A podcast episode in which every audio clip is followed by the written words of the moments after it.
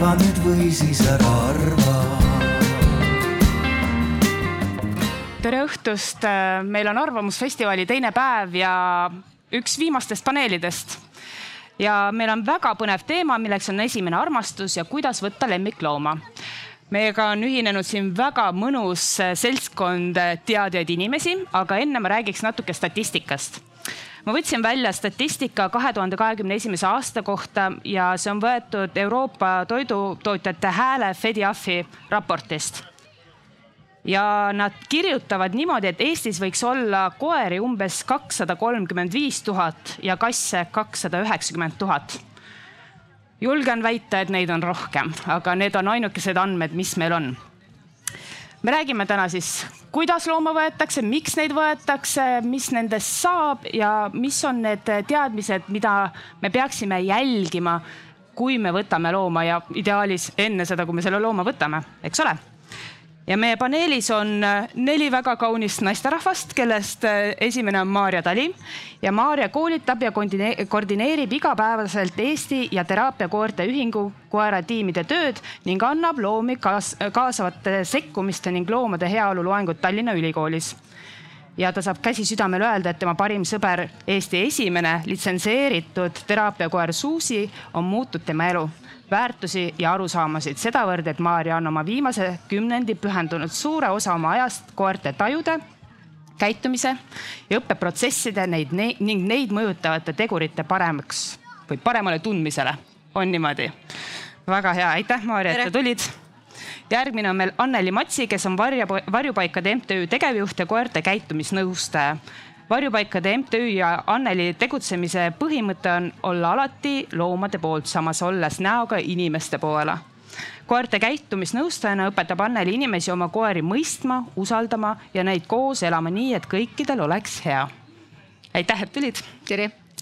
nii, siit järgmine on Kerlin Järvela, kes on Petsiti loomakliiniku loomaarst ja Pets äh,, Kerlin lõpetas ülikooli veterinaarmeditsiini erialal kahe tuhande neljateistkümnendal aastal. peale seda töötas ta ka maaeluministeeriumis, kus tegi, tegeles loomade heaolu teemadega ja alates kahe tuhande viieteistkümnendast aastast töötab Kerlin taas ööpäevaringses loomakliinikus. on raske?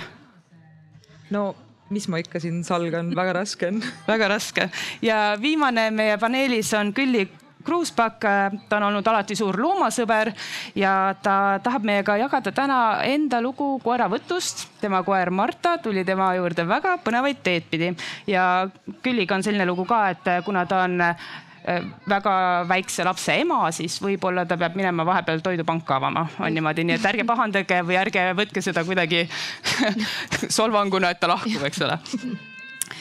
nii ma arvan, et me jagame tänase paneeli selliselt, et äh, me võtame ette kolm küsimust, iga küsimus viisteist minutit ja pärast seda on teil äh, võimalus ka ise küsida, nii et jätke kõik oma küsimused palun lõppu. ah oh jaa, väga hea, aitäh, Maarja, mina ise ka. Mina ise olen Julia Abram, Eesti Väikeloomaarstide Seltsi president ja rahvusvahelise väikeloomaarstide ühenduse mm, Eesti esindaja. Ja see ühendus on FECABA nii, ja siis meie teemade juurde. meie teemad on esimene, miks tuleb perre lemmikloom?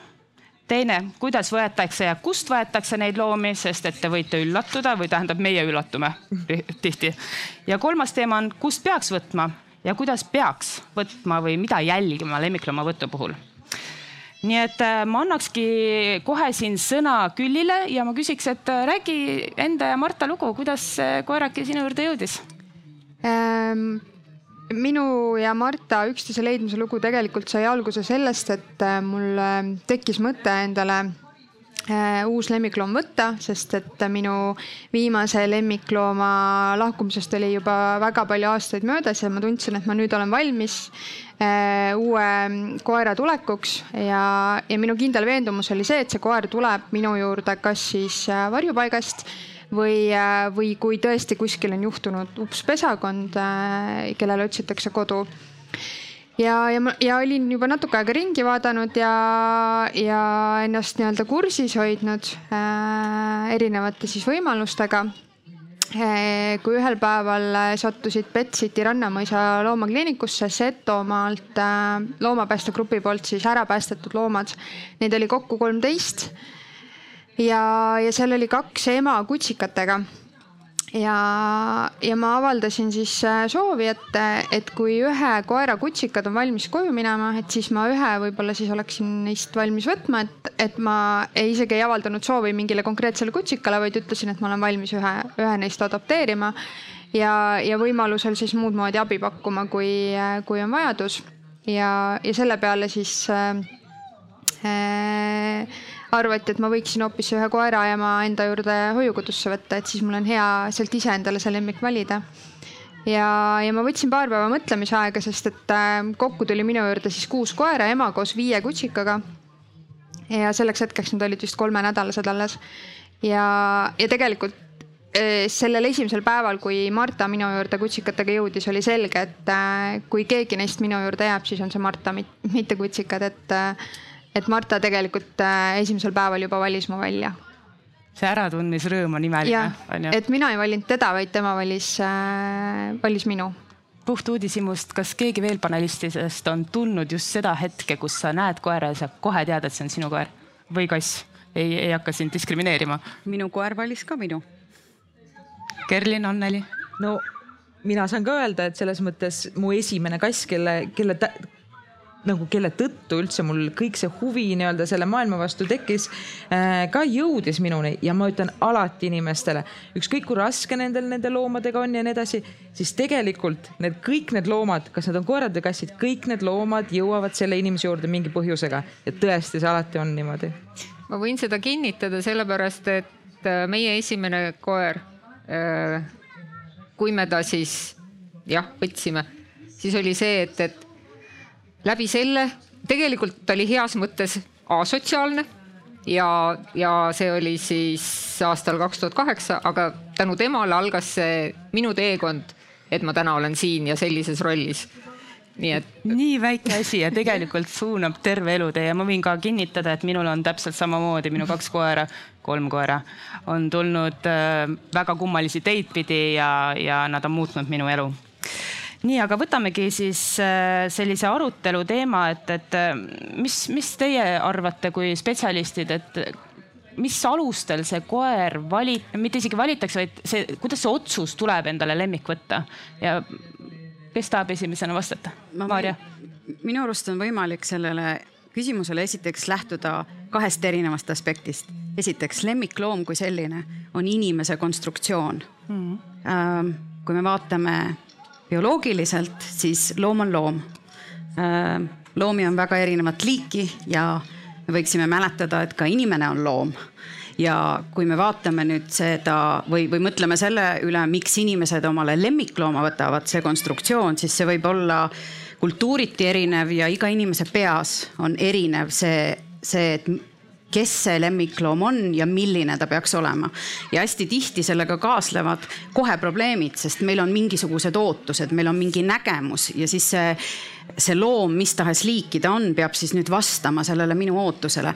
kui me vaatame seda nii-öelda ähm, lähtudes bioloogiast, siis me vaatame seda hoopis teistmoodi, siis me vaatame, et on olemas erinevaid liike, me tunneme huvi, milline see liik on kes sobib võib-olla minu elustiiliga või kellele mina olen võimeline pakkuma elu, mis on tema jaoks elamisväärne, turvaline ja, ja, ja ka täna on hästi palju kasutatud paneelides sõna heaolu, tagada tema heaolu, nii et need on nagu erinevad vaatenurgad.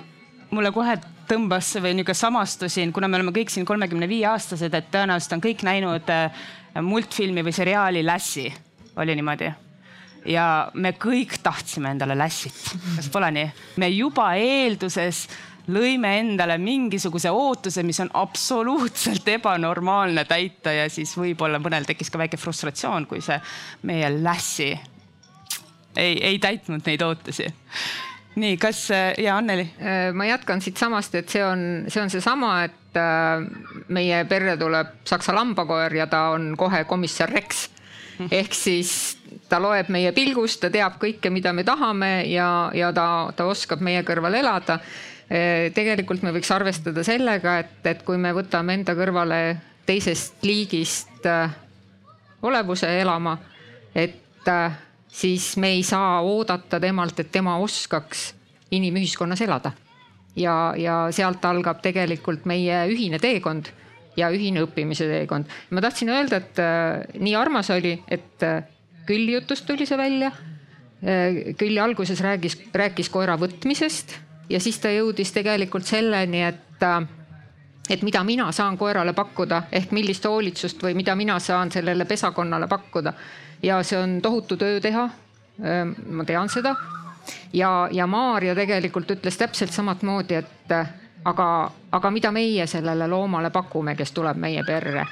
et, äh, et siin võiks natukene jah, nagu mõelda seda võtmise poolt ja andmise poolt, et ja koos kasvamise ja, poolt. ja võib-olla jah, võiks hoopis nagu mõelda, et, et mina, mina pakun sellele loomale kodu ja mida mina suudan talle anda. ja ma vastutan mm. -hmm. ja, ja ma veel lisaks, et äh, kuidas see loom hakkab mind veel trigerdama. -hmm. et see on jälle niisugune iseendasse vaatamise koht, kus sa saad väga täpselt aru, et kus kohas sul jääb puudu kannatusest, kust kohas sa näed, et sa tahad võib-olla hügieeni rohkem oma elamisse, avastad kassi või koera karvad ja mis need võib-olla üldse ei meeldigi. Kerlin, kas sa tahad ka lisada veel siia midagi? ja sinna Lassi ja, ja komissar Rexi juurde ma tahaks öelda, et võib-olla Garfield on nagu kõige tõetruum, et Ja, söön kas-, magan ja inimene, sina pead mind teenindama, et see võib-olla on nagu teistmoodi näide. ma ütleks, et see on kõige lähedasem Täpselt, tõele. eks ole. nii, aga äh, nüüd, kus me täpselt ju ei teagi, mida sellelt loomalt oodata, aga me teame, et loomad on võimelised õppima, tajuma mingil määral emotsioone. kui, kui hästi, Maarja parandab mind kohe? ja mitte mingil määral, vaid äh, väga kuulus Eesti soost äh, teadlane juba seitsmekümnendatel uuris ja, ja, ja tänu temale on terve koolkond ja nüüd juba ka jul, julgevad äh, treenerid ja nõustajad kõva häälega välja öelda, et imetajatel on kõik samad baasemotsioonid ehk et me tunneme samu emotsioone, et, et äh, me tõenäoliselt erinevad liigid nagu tajuvad maailma erinevalt mm, -hmm. aga, aga see, kuidas me tunneme, on tõenäoliselt sama ja ma tahaksin hästi-hästi tegelikult kaugeneda hoopis sellest äh, filmimaailmast või multifilmimaailmast, mis võib-olla siis tõesti hoopis tekitavad meis sellised äh, äh, sellised ootused, mida, mis mitte kunagi ei täitu.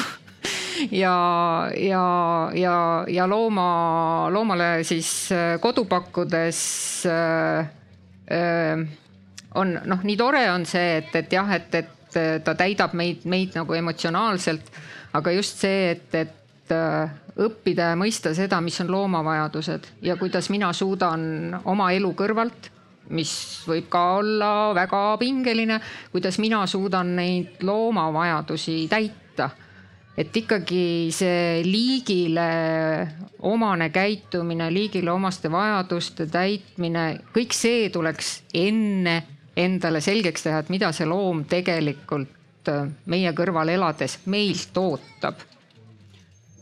Külli, kui sina nüüd hakkasid siis selle loomavõtu peale mõtlema, et kas sa oskasid ka selliseid aspekte arvesse võtta?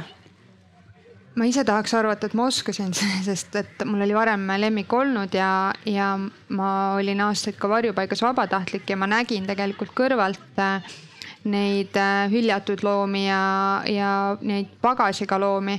et, äh, et ma, ma tegelikult olin valmis selleks, et, et minu juurde tuleb loom, kes, kes vajab mingit erihoolt ja eritähelepanu ja, ja Marta tegelikult, kui ta minu juurde jõudis, siis ta oligi väga kehvades tingimustes kasvanud, ta oli väga arglik. tal olid omad hirmud. ja, ja me pöördusime ka koertepsühholoogi juurde, kes, kes aitas meil teda paremini mõista, et mis on tema nii-öelda need valupunktid, millele me peame rohkem tähelepanu pöörama ja aitas meil nii-öelda siis kohaneda üksteisega et, et ma tahaks arvata, et ma olen teadlik lemmikloomaomanik.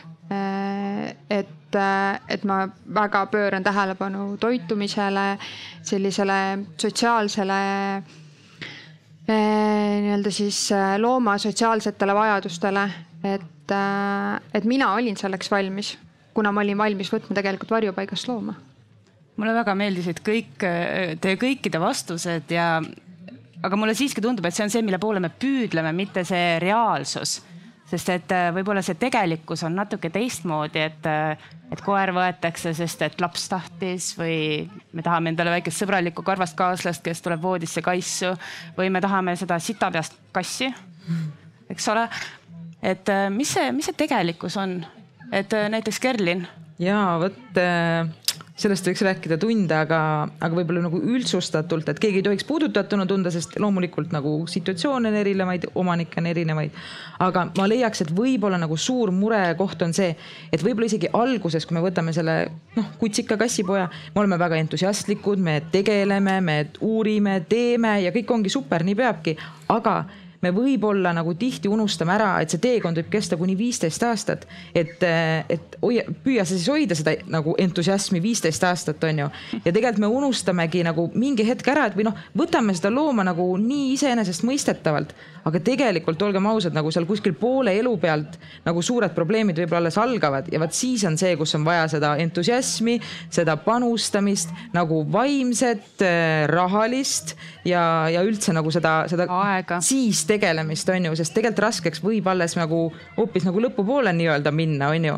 ja siis, vot siis on see koht, kus tuleb see vastutus võtta. ja samas, kui juba kutsikaeas või alguses hästi palju panustada nii toitumisele, tervisele, sellele väga heale stardile, siis tegelikult see koer kasvab ju äh, peast tervena ja ta on juba algusest peale palju parema käitumisega ja tal on parem side kas keegi tahab veel täiendada? ja mina arvan ka, et Eestis loomapidamise kultuur on äh, täna veel väga madal, aga ma arvan, et võti on teadlikkuses ja ma aeg-ajalt harrastan seda, et ma käin raamatupoodides ja vaatan, milliseid raamatuid, et kus on see nii-öelda loomade mm. äh, sektsioon ja meil on praktiliselt ainult pildiraamatuid, et ma ei teagi, et kas ei ole nõudlust või et tegelikult äh, äh, teadust on hästi-hästi palju äh,, neid faktiteadmisi, mida koertest, kassidest, hamstritest äh, võiks äh,, võiks teada, aga kuidagi meie, meie suhtumine on selline, et, et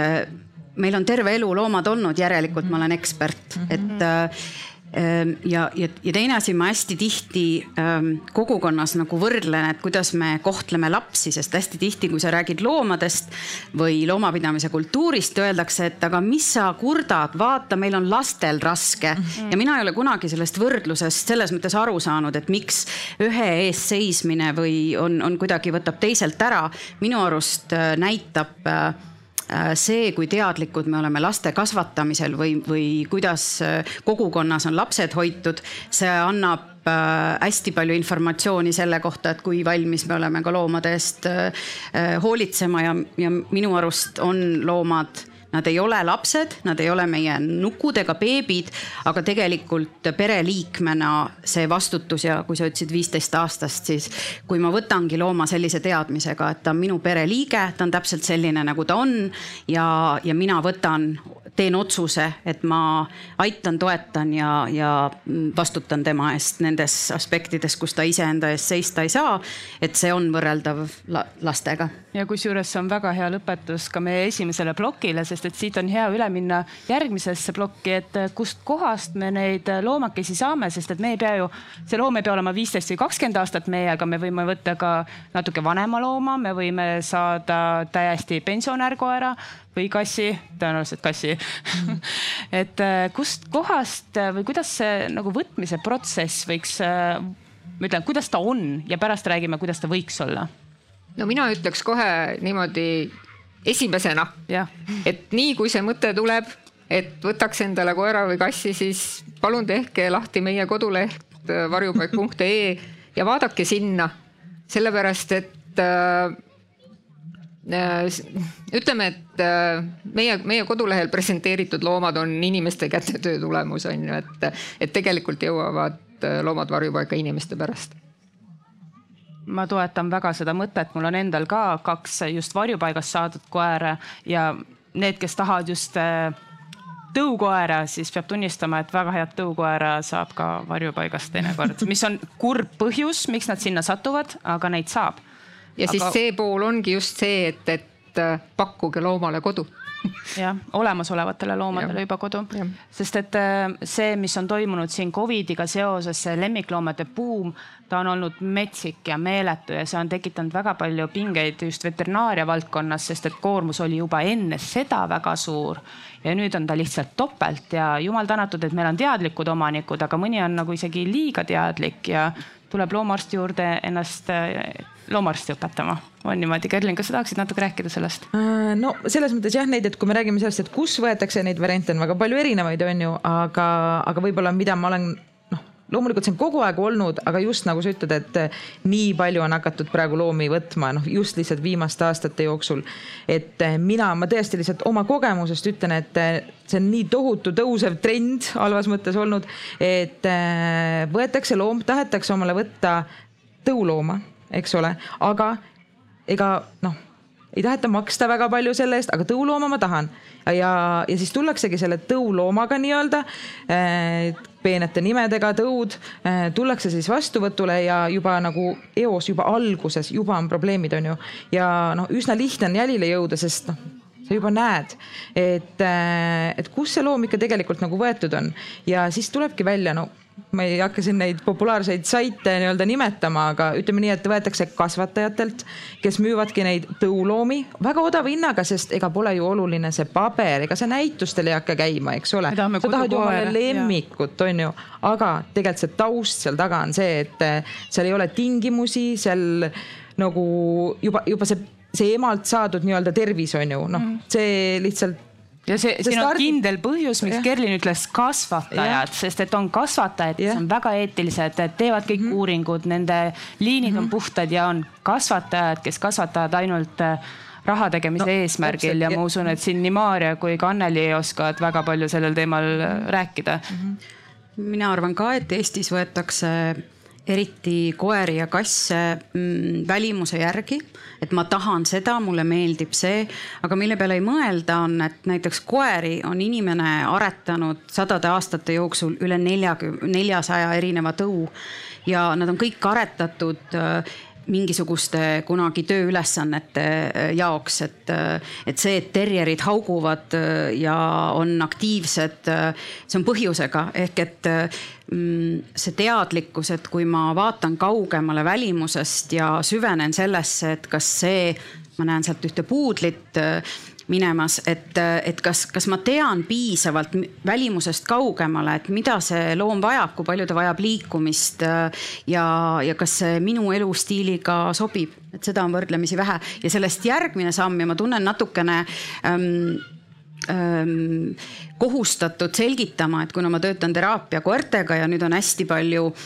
informatsiooni selle kohta, kui hästi meie vaimsele tervisele mõjuvad lemmikloomad mm, -hmm. siis seda tõlgendatakse uue, umbes nii, et mul on raske, mul on depressioon, ma võtan endale looma, aga see ei ole plaaster, mida me endale peale kleebime, vaid et see see nii-öelda suhe, see kontakt see on töö tulemus, see on tegelikult äh, see side, mida me loome ja see on alati kahepoolne. Ja olgem ausad, ega see üks koer või kass võib tekitada lisaks kasulikule vaimsele tervise propageerimisele ka väga palju vaimseid hädasid ja kui palju inimesed põhjustavad oma loomasele neid hädasid. et, et see käib mõlemat pidi, eks ole, et, et see on see, et miks on hästi oluline täpselt uurida, mida sa võtad, kuidas sa võtad, kus sa võtad ja, ja keda sa tegelikult tahad, sest et nagu ka Külli ütles, et mõte oli võtta kutsikas, aga siis elu tegi oma niisuguse vingerpussi sulle ja sa said aru, et Marta on hoopis see, keda sa tahad. tegelikult ma ei olnud sada protsenti kindel, et ma võtan kutsika. ma teadsin, et ma võtan äh, looma mm., võtan koera eh, ja, ja ma mõtlesin, et kui, kui on kuskil kutsikaid ripakil, siis ma võtan kutsika, aga ma olin tegelikult valmis võtma ka täiskasvanud looma. sest mulle tundub, et äh, täiskasvanud kassil on oluliselt lihtsam leida uus kodu kui täiskasvanud koeral sest et see väär arusaam, et äh, vanale koerale uusi trikke ei õpeta, tegelikult õpetab küll. lihtsalt tahtmist peab olema. ma korra adresseeriks ah,, nii. ma, ma lisaksin siia, et äh, see, mida meie nagu varjupaikades näeme, on see, et koerad kõnetavad inimesi rohkem kui kassid. sest äh,, sest see proportsioon varjupaigas viibivad äh, koerad versus kassid, siis kasse on kordades-kordades rohkem mm. -hmm. ma korra kohe tahaks arutleda natuke sellel teemal, et kas, kumba pidi siis on parem võtta, et kas see niisugune tõutu lagrants või hoopis äh, tõukoer nagu päris tõukoer? minu jaoks ei ole vahet, aga minu jaoks on oluline saada teada nii palju kui võimalik, äh, kes on see isend ja kust ta tuleb ehk et äh, olenemata sellest, kas tegemist on puhtatõulise või, või grantsiga äh,. kui ta on elanud äh,, kui tal on vanemad terved ka tõukoera puhul on oluline, et, et nad oleksid nagu hea, hea iseloomuga sotsiaalsed loomad. ja, ja kui tal on turvaline olnud see elu esimesed nädalad ja kuud, see on minu jaoks palju olulisem mm.. tahab keegi veel midagi lisada? Või kas me räägiks, adresseeriks korra, kui terved on siis, kas tõukoerad on tervemad või on need äh, krantsikesed tervemad? no seda Tere. mina ütleks, et seda tegelikult ei saa vaat niimoodi öelda, sellepärast et äh, ühes ja teises pooles on väga haigeid ja väga terveid, aga lihtsalt võib-olla ongi see, et mis ma tahtsin veel kindlasti nagu öelda, on see, et, et natukene tulebki seda taustatööd nii-öelda teha. et äh, kui me saame juba, kui inimesed hakkavad sellest aru saama, et ükskõik nagu milline see koer on või mis nii-öelda tõust on ju, siis sa ei võta omale looma niimoodi, et see keegi, kus sa oled selle ostnud, toob sulle selle supermarketi parklas ja me tõstame selle ühest pagasnikust teise, et see on vale, see juba nagu kõik häirekellad peaks nagu töötama. kui me saaks juba nii lihtsast asjast nii-öelda aru, siis oleks juba nii palju vähem seda probleemi mm. -hmm ja kui ma ei tea, kust alustada, siis, siis oleks väga hea mm, näiteks mina soovitaksin käia näitustel, et vaadata siis alustada sellest, et äh, millised tõud või millised loomad mind kõnetavad. sealt edasi ma teeksin tutvust nende inimestega, kes kasvatavad või, või kes, kes müüvad. ma uuriksin tausta ja tegelikult sa saad hästi kiiresti aru juba nendest inimestest, et millist, kui sulle müüakse ideaalset looma, ma mäletan, et mulle isegi müüdi malamooti nii, et ei aja üldse karva. et, ähm, et sa saad tegelikult aru, et kas nad on teadlikud, kas nad hoolivad päriselt või nad proovivad sulle müüa äh, ja sealt edasi oleks hästi oluline äh, leida võimalusi seda tõugu või selle loomaga äh, veeta aega et tõepoolest, kas, kas leida mõni sõber, kellel on äh, sarnane või, või sama tõugu loom ja, ja näiteks pakkuda ennast hoidjaks, et, et saadagi aru, et, et kui ma plaanin võtta seda piiglit ja kui ma nädal aega pean see kolm tundi iga päev jooksuringil käima, et siis mul on juba pilt selge. pluss ma... kaks korda päevas pissitamas, eks ole. just, et, et ma arvan, et sellised, sellised sammud ja tegelikult see, kui me räägime kasvatajatest, siis hea kasvataja on, on selle koera elu lõpuni sinu parim nõuandja tööandja mm. -hmm. annab nõu, jah ja ma tegelikult tahaksin lisada seda, et kui perre tuleb kutsikas, siis sa iial ei tea, kelle sa said. sellepärast, et iga koer on indiviid, sa võid teha uurimistööd tõupõhiselt, uurida, käia tutvumas, mida iganes, aga siis, kui see loom lõpuks sul kodus on ja te hakkate koos kasvama, siis sealt võib tulla, siis ole valmis kõigeks, absoluutselt igasugusteks üllatusteks, sest tegelikult me ei saa eeldada.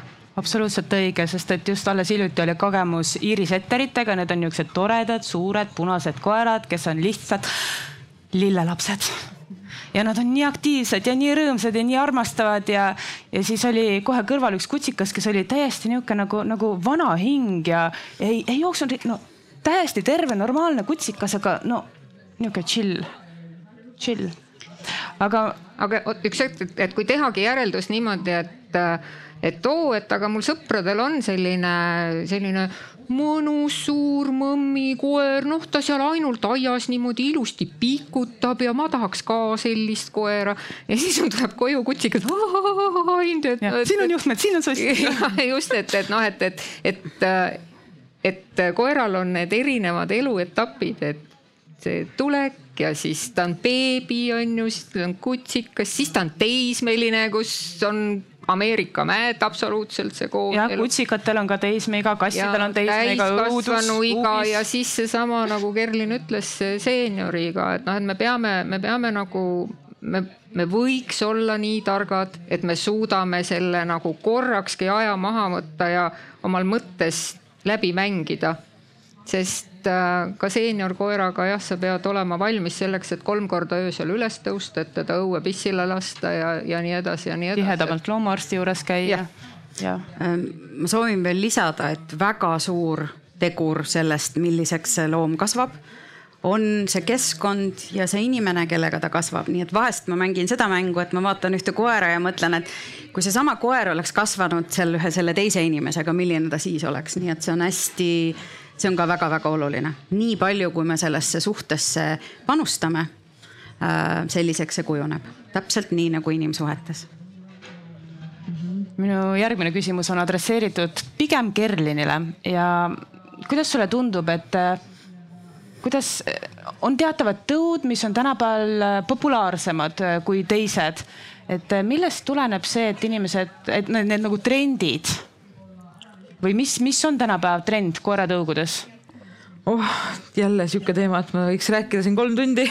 ma aga... vihjan siin natuke oma särgiga ja selle kirjaga, mis ja. siin on et.... no ega selles mõttes, mida mida rohkem üht või teist tõugu kuskil liigub, seda rohkem inimesed näevad, on ju, siis hakkavad uurima, mis, kes see on, siis tahaks ka ja nii edasi. aga no mida ma saan öelda, selles mõttes populaarselt see nii palju oleneb, et äh, lihtsalt kahjuks on ju näiteks nagu su see särgipilt ütleb, et äh, väga populaarsed on ka tõud, kellel on väga suured terviseprobleemid, aga ometi jällegi noh jälle see läheb sinna kohta, et me ei tee nagu piisavalt nii-öelda taustatööd ja ei mõtle sellele, et ta võib näha nagu tore ja nunnu ja lahe välja, aga mille, mida see, mille, noh, mis sellega kaasneb. see, et see koer sul kakskümmend neli seitse, ta lihtsalt norskab, ta, sa ei saa temaga minna tänasel ilmal, ma ei võtaks seda koera kaasa, sellepärast et see oleks talle noh, see on talle nii suur piin, sest ta, tema hingamisteed, see nina on nii lühike, et ta, ta ei saa hingata. ja mis tunne on nagu loomal, kes terve elu, ma ei saa hingata. ma ütlen, üks, üks viiendik sellest tundest võis olla inimestel, kes käisid äh, sooja ilmaga maskiga yeah.. et see ja siis oli suur maskivastane, et me ei saa hingata, me ei saa hingata ja samas, mida rohkem me näeme sotsiaalmeedias, turunduses neid imearmsaid mopsikuid, lömmninalisi koeri, kassi, hobuseid mm, -hmm. hamstreid, küülikuid seda, seda rohkem me neid tahame, sest nad on hästi nunnud, nad on suured silmad, neil on see fantastiline näomiimika, mida koerad on kusjuures väga hästi ära õppinud, et see on nende arengu osa õppida lugema inimest ja siis kulmutööga näidata seda, kui väga nad inimesi mõistavad või kui väga nad midagi tahavad. ja, ja see on probleem, et ähm, me väga tahaks näha terveid äh, tõuge nii, nii Eesti lemmiklooma pildis kui ka näitlustel ja et just äh, ka võib-olla näituste mm, kohtunikud valiksid väheke loomasõbralikemaid äh, välimikke no igal juhul see, see kokkuvõte, mina ütleks, et ongi see, et, et okei okay,, kui sa nagu nii väga tahad seda üht või teist tõugu, siis lihtsalt ikkagi jällegi tee see taustatöö ära, sest tegelikult on ju kõik kirjas, mis on ühe või teise tõu tüüpprobleemid. Ja noh, kui see on tüüpprobleem, siis see suure tõenäosusega võib ka sinu loomal ikkagi olla, on ju. see, kui tõesti ei ole, siis ütleme, et see on suhteliselt lotovõit, eks ole. või vähemalt, kui sul juba selline tõug on, siis tee tema elu maksimaalselt talutavaks, et kui sul on mops, siis jälgi, et ta oleks õiges kehakaalus, kehakonditsioonis, et ta ei oleks ülekaaluline, mis ongi enamike selliste koerte probleem, et nad lihtsalt eh, ei saa hingata mm -hmm. selle ülekaalu tõttu ka, et, et et me, me mitte, et me nagu oleme vastu nendele inimestele, kes selliseid koeri võtavad, vaid me oleme mm -hmm. selle poolt, et te hoolitseksite nende vajaduste eest ja tagaks maksimaalse ellujäämise neile ja väärika elu. aga see ongi, see on see, see teadlikkus sellest looma vajadusest, on ju, et äh, looma vajadus ei ole ainult see, et tal on tagatud söök, jook, peavari, isegi isegi selline elementaarne asi, mida mõnikord tuleb äh, meelde tuletada, et koeral peab olema kassil samamoodi. puhtale veele ligipääs kakskümmend neli seitse. et ja et seda vett tuleb vahetada ja seda kaussi tuleb pesta igapäevaselt, mitte niimoodi, et panen täis, on ju, ja siis noh, panen kogu aeg juurde, on ju, et tal on ju vesi. Et ja, ja, ja kasvõi sellest, et loomad ei maga niimoodi nagu inimesed, et õhtul heidan magama ja hommikul tõusen üles, on ju. no on olnud juhuseid, et et äh, rääkides, küsitledes, eks ju, ja ta magab minu juures magamistoas on ju. ja siis ma küsin, et, et aga kus tal söö, söögi-jooginõud on köögis, kas magamistoa uks on kinni või lahti? Öösel on magamistoa uks kinni, no siis, siis tuleb see teine joogikauss panna ka magamistuppa, et noh, et sellised, see on, see on, noh, me lihtsalt, see on natukene, et me võtamegi neid äh, loomi enda kõrval hästi iseenesestmõistetavana, et meil on koerad, nad on inimese sõbrad olnud, nüüd juba räägitakse kolmekümne tuhandest aastast on ju.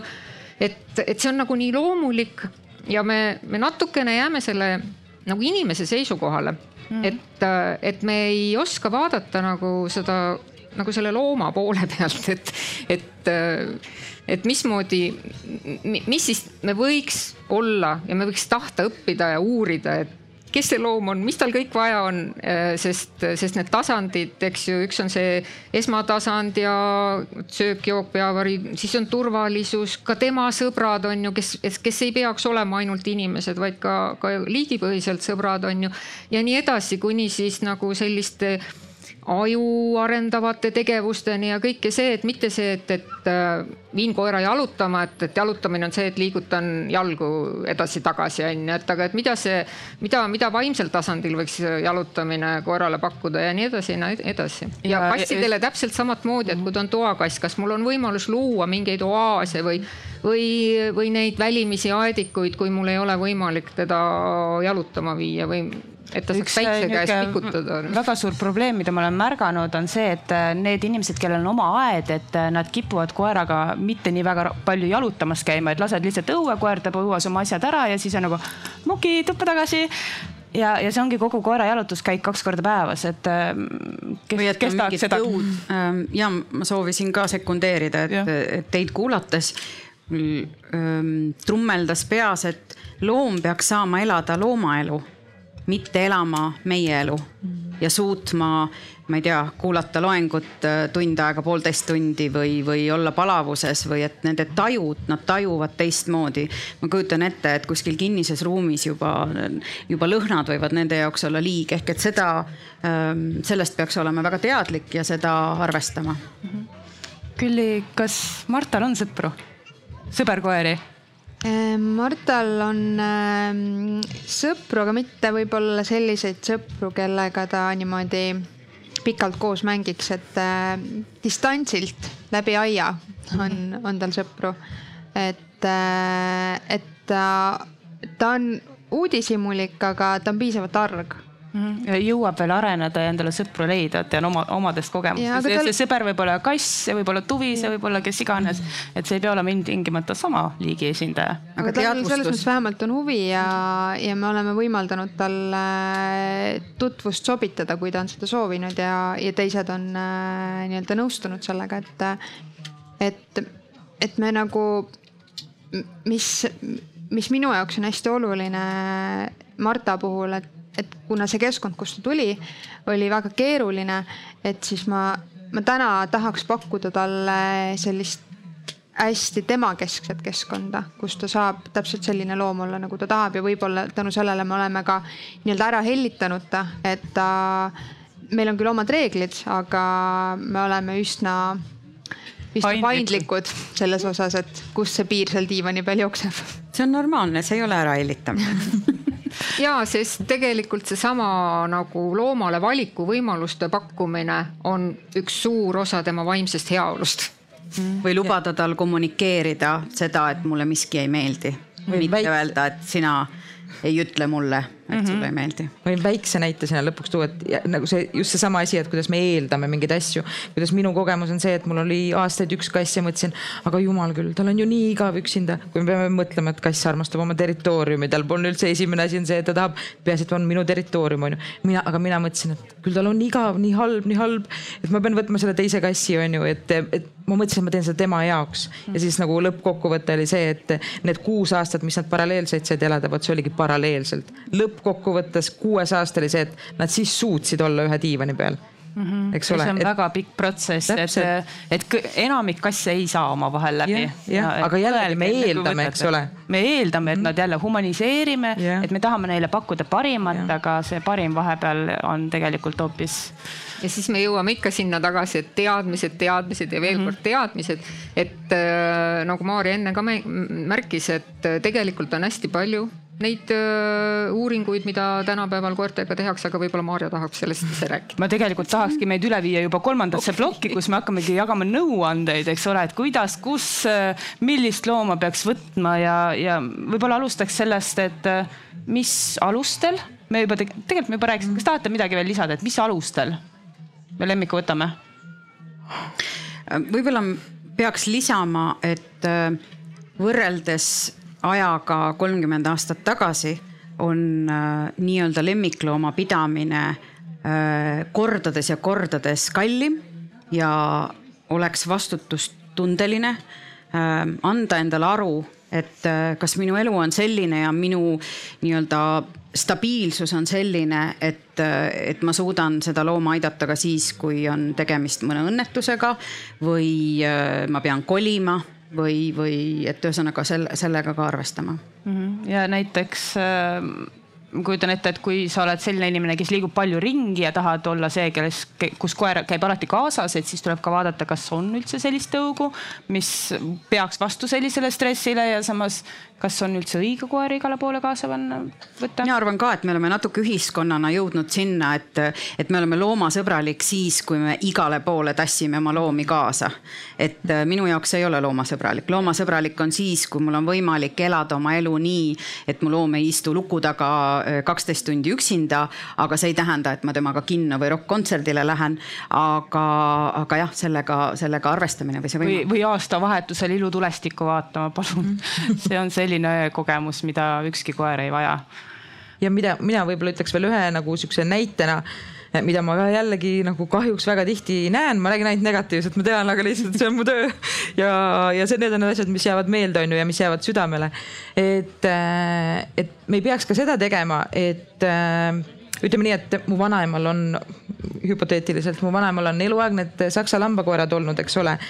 ja nüüd ta on seitsekümmend viis ja noh, lahkus see saksa lambakoer, lahkus koer. Ja noh, loomulikult vanaema on kurb ja see kõik on kurb ja nii edasi. Ja kõige suurem üllatus oleks talle uus saksa lambakoer viia ju kutsikas. ja noh, kahjuks see ei ole nagu üks näide, vaid nagu ma olen seda korduvalt näinud, et me peame mõtlema ka sellele, et okei okay,, loomulikult ta tunneb seda tõugu, ta tunneb seda noh, põhimõtteliselt seda looma aga vanaema jääb vanemaks, et eh, jällegi ärme nagu eelda, et vaid mõtleme ka natukene vastavalt situatsioonile, et üldse, kas, kas näiteks see vana inimene peaks võtma kutsika, sest noh, tõesti see vajab aktiivsust, see vajab tegelemist, mis saab nagu. kas tal on van... üldse jõudu talvel libedaga temaga täpselt, jalutamas täpselt. käia, eks ole. ja mis saab, kui enam vanaema ei ole, on ju, kas sa oled siis valmis selle koera endale see võtma? ja on ju küll ja küll neid äh, tõesti samamoodi seenior vanu koeri, kes ongi, nad ongi rahulikud, võib-olla tema ideaalne elu ongi see, et ma saaks käia tasakesi seal väiksel pargitiirul ja siis. koos minna... arsti juures jagada oma Täpselt. puusamuresid. täpselt ja siis istuda seal diivanil kõrvuti ja vaadatagi telekat et samas on minul kurb kuulata, kui mõni aeg tagasi oli arutelu, et eakad inimesed justkui ei peakski võtma lemmiklooma. see, see ei ole kindlasti see, mida me ütleme. ei, lihtsalt ma tõin selle välja sellepärast, et minu arust me võiksime kogukonna ja ühiskonnana pigem mõelda selle peale, et mismoodi me tagame, et kui see inimene enam ei suuda hoolitseda mm, -hmm. et siis kes hoolitseb või kuidas sellest saab teatada või, või mm, kuidas saavad teised appi tulla, aga -hmm. kindlasti see ei tohiks olla välistus, et sa oled eakas. see on hästi oluline teema selles suhtes, et äh, tõesti täna meie ühingu varjupaikades ma saan öelda, et me järjest rohkem tegeleme nende loomadega, kellel või noh, me tunnetame seda, et see muutub järjest äh, rohkemaks arvuliselt just, et, et meile saabuvad loomad siis äh, oma kodudest võib-olla või siis ongi, et vana inim-, vana inimene on lahkunud ja siis loom jääb üle. et see ei ole looma suhtes aus, et tegelikult meie seeniorid võiks ka olla toetatud selliselt, et, et nad teavad, et kui nendega midagi juhtub, et siis äh, on olemas see tugisüsteem, kes hoolitseb nende loomade eest, mitte see, et, et, et siis umbes äh, varjupaika. Ja, ja siin on küll niimoodi, et need kipuvad olema ka äh, rohkem seeniorloomad ja nendele, nemad jäävad, nad, nad võivad olla meil varjupaigas kaks, kolm, viis aastat, et nendel on suhteliselt keeruline kodu leida. ja, ja siis noh, tegelikult meil ongi nagu, et november on seeniorkoerte kuu, on ju. ja mis, mis siis üks asi on veel, et, et kui kui ongi, et meie enda elu võib olla problemaatiline ja, ja kui meil on loomad, et äh, et siis otsitakse ka varjupaigast abi just siis, kui on juhtunud mingi elumuutus, just et kolitakse, kolitakse lausa välismaale. kõik kinnisvara väljaüürijad ei, ei, ei ole nii sellised, et lubaks lemmikloomaga korterisse või majja või mida iganes ja siis otsitakse jälle abi, et, et varjupaik aitaks. et kuigi jah, et, et et meil ei ole enam sellises hulgas äh, loomi nagu kaks tuhat seitse või et meil jookseks sellised hulkuvate koerte karjad tänavatel. Äh, kassikolooniatega on natukene teine lugu, et neid ikka on. Äh, aga, aga jah, et, et varjupaigad ei ole kummist ja, ja, ja, ja siis selleks me siis olemegi loonud ka sellise nagu proaktiivse võimaluse. meil on selline võimalus nagu koduotsija ehk siis äh, saab meile kirjutada ja siis me saame nagu reklaamida ja üles panna oma koduotsi, koduotsija leheküljel, et me aitame loomi kodust kodusse aga teil on äh, veel üks väga põnev projekt või no, ma ei saa isegi öelda, et see on projekt, aga et äh, teil saab põhimõtteliselt ju koera või kassi hoiukodusse. jah, hoiukodusse siis hoiukodud nagu Külli võttis hoiukodusse selle pesakonna, et hoolitses ära ja siis kutsikatel otsiti uued kodud. üks võimalus on see, et, et ma teadlikult, ma, ma võtangi mõne looma, kellel on vaja ajutist sellist peatuspaika, et ta ei saa võib-olla varjupaigakeskkonnas nii hästi hakkama või ongi kassipesakond on ju noh, kodustes tingimustes on loomal alati parem olla ja ma teadlikult teengi, hoolitsen nende eest, et aidata neid uutesse kodudesse ehk siis olla meie vabatahtlik vabatahtlik hoiukodu, keda me ka igatepidi aitame, toetame, nõustame, kõik tarvikud, toidud, kõik me nagu anname selle pesakonna või looma hoolitsemise eest. teine võimalus on hoiukodu hilisema loovutusega. ehk siis kui on loom endale välja valitud, aga, ja käidud ka tutvumas, aga võib-olla jääb seal natukene mingisugune väikene selline, et et kuidas ta ikka mul siin hakkama saab või, või. kas ta sobib teiste perelemmikutega või lastega? väikene jah, väike küsimärk, et siis on tõesti, et äh, on võimalik äh, võtta alguses jah hoiu kodusse ja pärast siis saab päris, päris kodu sellest mul on jälle küsimus Kerlinile kui kaasloomaarstile, eks ole. et äh, mis on need ennetavad meetmed, mida üks omanik võiks äh, koera-kassi võtu puhul arvesse võtta? Ja ma vihjan siin võib-olla kindlustusele, et mind õiges suunas. no jah, ega selles mõttes ongi, et esimene asi on üldse nagu läbi mõelda see, kas üldse on mul võimalik, et me ei räägi sellest, et mis on niisugune tavaline, ütleme nii, et iga-aastane kulu on ju ikkagi äh, seal arsti juures, vaktsiinid sisesed parasiiditõrjed, välisparasiiditõrjed, alguses pass, mikrokiip ja nii edasi nii edasi. aga need iga-aastased kulud, need on mitusada, on ju, ja me räägime see, siis kui mitte midagi temaga nii-öelda ei juhtu, kui tal pole mingit tervisehäda, on ju. kui ta on õnnelik ja terve. väga positiivne no,. see on veel jah, vot täpselt, et noh, noh mitusada, ütleme nii, et kui tõesti täiesti terve loom, aga kohe, kui seal on mingisugune nii-öelda tervisemure, siis ütleme nii, et see kulu on nagu hüppeline ja sa pead olema selleks valmis, sest noh, mina leian, et tõesti ongi see, kui sa oled selle looma võtnud, siis noh tegelikult see on sinu vastutus, sina oled võtnud selle looma ja sina tegelikult sina vastutad kogu selle asja eest. Niimoodi, et eh, kui ükskõik, mis mure tal on ja sa pead reageerima, tegelikult noh, tõesti sa pead reageerima. Ja, ja isegi kui me jõuame nagu elu lõppu välja, siis äh, tuleb oma ego alla suruda, kui, kui see loom ongi jõudnud sinna, et noh, tõesti tema tervislik seisund võib-olla on selline, et oleks õige ta väärikalt ära saata., siis, siis see on jällegi see koht, kus me peame oma ego alla suruma, tema panema prioriteediks, et jah, meil on raske, on ju nii-öelda, kui meie maha jääme. aga, aga see on jälle, mina ütleks, et see on alati, kui ma inimestele räägin ka, et see on see viimane koht, kus sa pead nii-öelda vastutama, on ju, et me ei tohi, me ei tohi olla egoistlikud. et eh, tihti me tahaks seda teha, eks ole, aga see peabki, ütleme nii, et see peabki läbi elu nii-öelda käima kõikide nende tervisemuredega. lihtsalt see nii-öelda profülaktilises mõttes tervisemuredega kuni selle viimase nii-öelda hetkeni välja suurepärane, meil ongi aeg juba kõik need kolm plokki kokku võtta. ma korraks ütleksin selle ego kohta, et minu arust tuleb see ego nagu ära unustada juba siis, kui see kutsikas tuleb ja, ja alati esitada küsimus, et aga mida mu loom tunneb mm. -hmm. sest nad tunnevad. jah ja väga hea, aitäh teile kõigile, ma võtan väheke selle ploki, kõik need plokid kokku ja siis ma annan teile kõigile veel ühe viimase sõna, nii et mõelge niikaua, kuni mina siin jutustan nii, esimene teema oli meil siis, leht on kadunud, aga et mis põhjustel loom võetakse ja kokkuvõttes me võiksime arvestada, et me ei teeks mingisuguseid, ei seaks ootusi või eeldusi loomale, et me võtame looma koos kõigi saba, sarvede, karvadega ja lihtsalt laseme tal areneda, koos kasvada ja vaatame, mida suudame meie õpetada loomale ja mida see loom õpetab meile siis meil oli küsimus, et äh, kust neid loomi võetakse. absoluutselt iga loomavõtu puhul vaadake kindlasti varjupaika, sest et sealt saab tõeliselt imelisi loomi. kui te tõesti väga tahate just äh, tõulooma, siis jälgige näiteks Kenneliidu leheküljelt, seal on väga palju erinevaid pilte, erinevaid äh, kontakte ja näituste infot, et kus te saate neid loomi vaatama minna.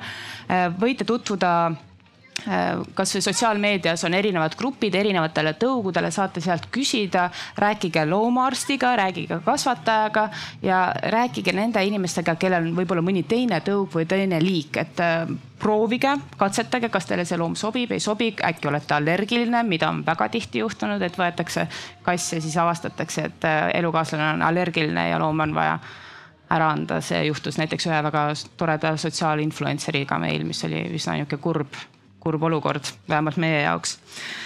siis äh, kust see loom tuleb, on väga oluline, tuleb alati jälgida, kust te selle võtate, et, et te näeksite, kui te võtate kassipoega kutsikat, et te näeksite seda elukeskkonda, ema pesakonda, kui puhas seal on. kui teile seda ei võimaldata nii mitu korda, kui te tahate, siis äh, ma pigem loobuks sellisest loomast. ja siin on eraldi sotsiaalne probleem, millest me küll täna ei rääkinud, aga kui te satute sellise millerdaja peale, kes näitab teile neid kutsikaid ja, või kassipoegi kuskilt äh, auto pagasnikust äh, Statoili tagant, vabandust, äh, Circle K. et meil tekib paratamatult see instinkt see loom ära päästa. aga mis signaali annab see sellele millerdajale? see signaal on, et neid loomi tuleb juurde toota et see on see koht, kus me peame võtma südame pihku ja ütlema, et aitäh, sellist looma ma ei taha ja kuidas siis ennetada igasuguseid probleeme? kui on lemmikloom juba võetud, tehke talle kindlustus, kui te ei taha kindlustust teha, koguge raha purki, sest et raha läheb vaja, eriti kutsika kassipoja eas. see on see tee, see tee, mida mina läksin, iga kuu läheb eraldi kontole teatud summa koerte fondi ja õnneks ma ei ole pidanud seda liiga palju kordi kasutama, välja arvatud kutsikaga siis, kui ta pärmi tainast sõi, mis oli ilgelt nõme ja ma ei anna talle andeks seda. tegelikult ma ei anna iseendale andeks, sest ma olin rumal, oleks võinud teada. et esimesel aastal, esimesel, niikaua kuni see loom on hästi noor, on väga suur tõenäosus, et teil juhtub mingisugune erakorraline olukord, mis äh, kulutab natuke teie rahakotti nii et kindlustus on kindlasti üks äh, hea asi, mille peale mõelda ja kui kogute purki ja see purk saab täis äh, viieteistkümne, kahekümne aasta pärast, siis teil on väga hea fond uue koera jaoks või kassi jaoks, on ju nii, ma arvan, et ma rääkisin enam-vähem niisugused olulisemad punktid ära. kas te tahate veel lisada, viimane ring ja ma palun lühidalt, sest siis me jõuame võtta veel mõned küsimused mm,. lõpusõnum minu poolt oleks, et äh, lugege teadusartikleid ja lugege raamatuid, neid on nüüd juba väga palju, väga asjalikke. ja siis, kui te kõik teete õigesti, siis võib juhtuda, et teil on ühe loomaga selline sõprus milleni küündivad väga vähesed sõprused teise inimesega. aitäh, Anneli minu sõnum on ikka varjupaik.ee ja avage oma süda ka täiskasvanud või vanematele loomadele me anname teile kaasa kogu informatsiooni, mida me selle looma kohta oleme kogunud, nõuanded, uskuge meid, kui me ütleme, et mõni koer ei sobi elama korterisse või keegi ei sobi lastega perre, et seal taga on mingid põhjused, ehk me siis äh, juba eos väldiks neid konflikte, mis muidu võivad tekkida. et me oleme neid loomi tundma õppinud ja, ja siis ikka see ka, et äh, ma tänan kõiki meie ühingu toetajaid ja annetajaid, sest meie ühingust uutesse kodudesse läivad loomad on, noh, minevad loomad on kiibistatud, neil on tehtud parasiiditõrjed äh, korduvalt, kui vaja on, nad on vaktsineeritud ja kui nad on täiskasvanud, siis nad on ka steriliseeritud ja kastreeritud, et seda muret ka ei ole. nii et aitäh teile. aitäh, Kerlin oh, ma tahaks nii palju asju öelda. Meil on võimalus pärast aga... seda teha üks arvamusartikleid, kõik on ja. väga teretulnud, et kui meeldis ja mõtted tekkisid, kirjutage aga kui jah, kui siis võtame nagu oma nii-öelda vaatenurgast, siis minu nõuanne võib-olla oleks see, et kui sa võtad omale looma, siis olenemata vanusest, siis leia omale see oma loomaarst tegelikult see on sul parim, noh, tõesti, see on su parim nõuandja ja usalda seda loomaarsti. selles mõttes, et ega see üks loomaarst ei pea kõik kõiki su loomamuresid nii-öelda lahendama, mis elu jooksul on, aga su, aga ta teab, kuhu sind suunata, ta, ta oskab sulle nõu anda ja.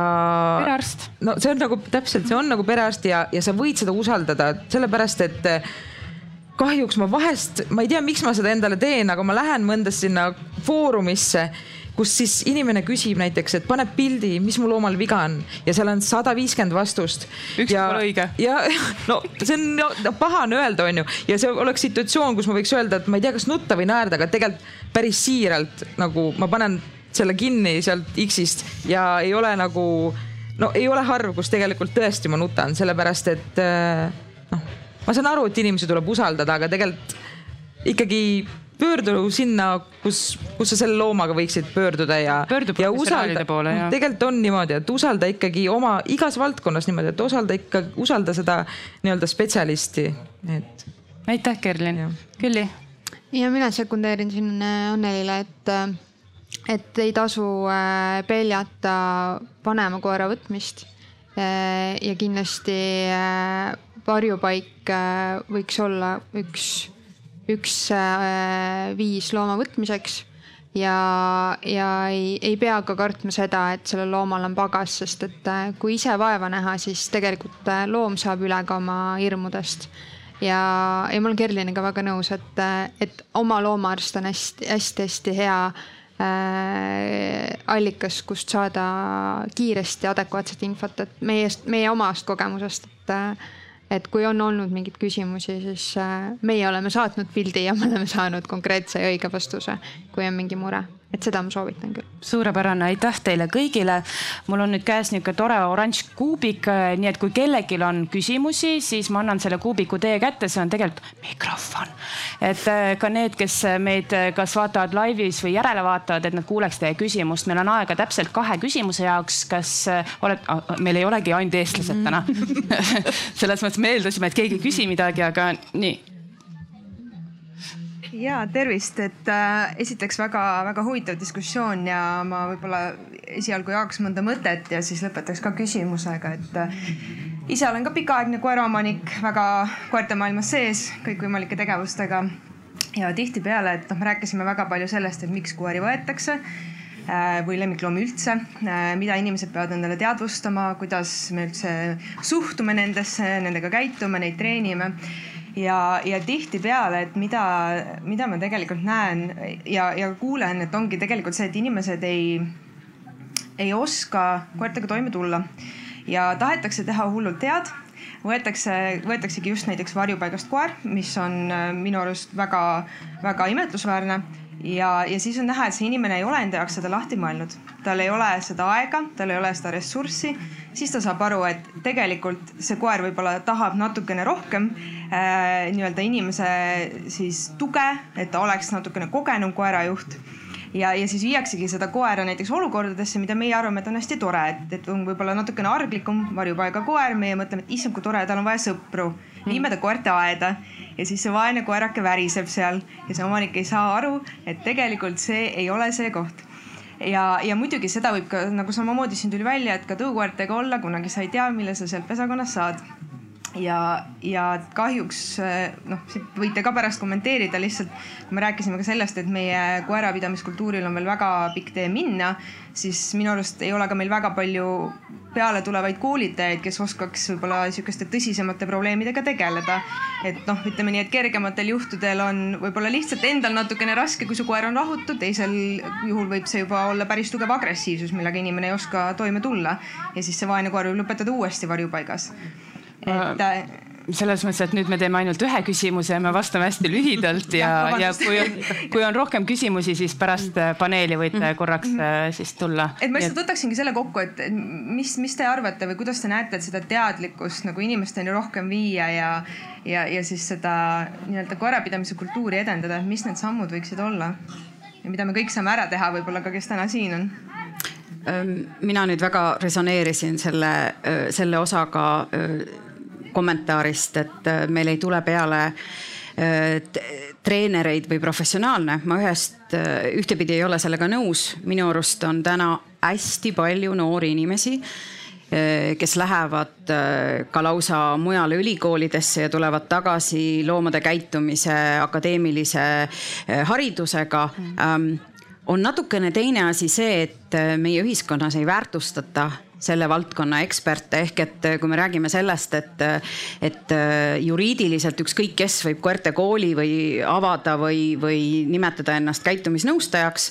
aga samas, kui paljud on reaalselt valmis selle hariduse ja kompetentsi eest maksma, et, et need koertekoolid on ka ikkagi mitte ühtegi ei eneseabi ega, ega nõustamist ei saa selliste hindadega nagu, nagu eeldatakse, et koertekoolid ja, ja nõustajad nii-öelda teid aitavad aitavad. nii et see on üks osa minu arust ja, ja teine mm, on nagu laiemalt, et me enne omavahel arutasime, et minu arust on märgiline, et Arvamusfestivalil sellist teemat nüüd täna arutatakse, see ei ole enam nii-öelda niši või käputäie loomasõprade mm -hmm. teema, see on hästi oluline ja, ja, ja sellest edasi me peaksimegi jõudma selleni, et äh, ajalehes täitsa mitte eraldi rubriigis, vaid et äh, nendest teemadest räägitakse ja tõstetatakse ka ekspertiisi küsimus. ehk et see nõudlus kasvab praegu hüppeliselt seoses sellega, et meil on nii palju loomi. meil on tegelikult järjest vähem parke, ujutamise kohti ehk et reaalselt võimalust pakkuda seda elu nendel, kes päriselt oskavad ja saavad. nii et, ähm, et siin on küsimus selles, et kumb tuleb enne, kas see nõudlus, kas inimene Äh, kes ütleb, et ma tahan päriselt professionaali ja olen valmis selle äh, teenuse eest maksma või see kuidagi tekib nii, et järjest rohkem ja rohkem inimesi on ise väga teadlikud, ma ei tea, kuidas pidi, ilmselt mõlemat poolt ma pean kahjuks lõpetama, aeg on otsas, aga palun, kui kellelgi on veel ideid, siis äh, või küsimusi, pöörduge siis meie juurde pärast. aitäh, et kuulasite, meiega oli Maarja Tali, Anneli Matsi, Kerlin Järvela ja Külli Kruuspakk. nii, ja mina olin Julia Abram aitäh teile, et olite meiega ja ootame siis küsimusi juba väljapool seda lava. aplaus. selge see, et ega